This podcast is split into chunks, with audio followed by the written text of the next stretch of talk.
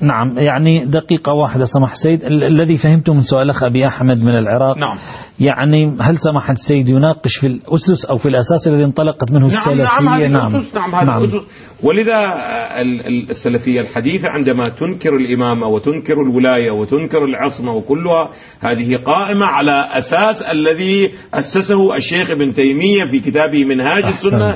وفي كتابه يعني أنا بودي أن المشاهد الكريم يتابع ال- الفضائيات يجد أن كل ما يقولونه هو تكرار بل وتكرار آه، ليس دقيقا تكرار لما يقوله الشيخ ابن تيمية إما في منهاج السنة أو في مجموعة الفتاوى أو كتبه الأخرى. ولذا أنا وجدت أنه من الصحيح من الناحية العلمية بلا حاجة أن نذهب إلى هذه ال ال ال ال الأمور الجانبية أو هذه الزوائد أو الثانوية أو الذيول التي الآن نسمعها هنا وهناك. نعم. نذهب إلى الأساس نذهب إلى الأصل. وهو الشيخ ابن تيمية لأن هؤلاء هم يبشرون بمذهبه. في كل العالم إذا. استطعنا أن نعرف الشيخ ابن تيمية للعالم عند ذلك تتضح مدرسة السلفية الحديثة أحسنتم لأن الشيخ محمد بن عبد الوهاب قد استند كثيرا إلى كتب وفتاوى لا أساسا نعم. ذاك ليست له ذيك القيمة العلمية نعم. محمد عبد الوهاب ليست له قيمة علمية أساسا نعم. وانما القيمة العلمية للشيخ ابن تيمية أحسنتم. كثيرا إذا نشكر